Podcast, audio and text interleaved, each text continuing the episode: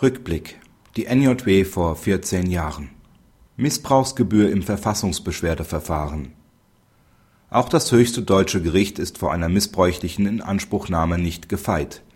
Der Missbrauch der Verfassungsgerichtsbarkeit ist jedoch mit Risiken verbunden, wie etwa der Beschluss der Zweiten Kammer des Zweiten Senats des Bundesverfassungsgerichts zeigt, der in der NJW vor 14 Jahren veröffentlicht wurde.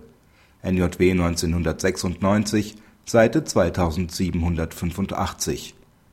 Ein Rechtsanwalt war gebührenpflichtig wegen eines mit seinem Kfz begangenen Parkverstoßes verwarnt worden.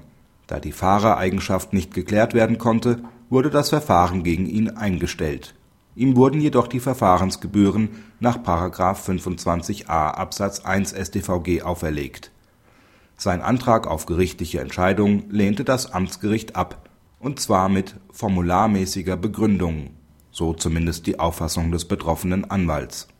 Das von ihm angerufene Bundesverfassungsgericht sah dies anders, verwarf die Verfassungsbeschwerde als rechtsmissbräuchlich und verhängte eine Missbrauchsgebühr von 800 DM.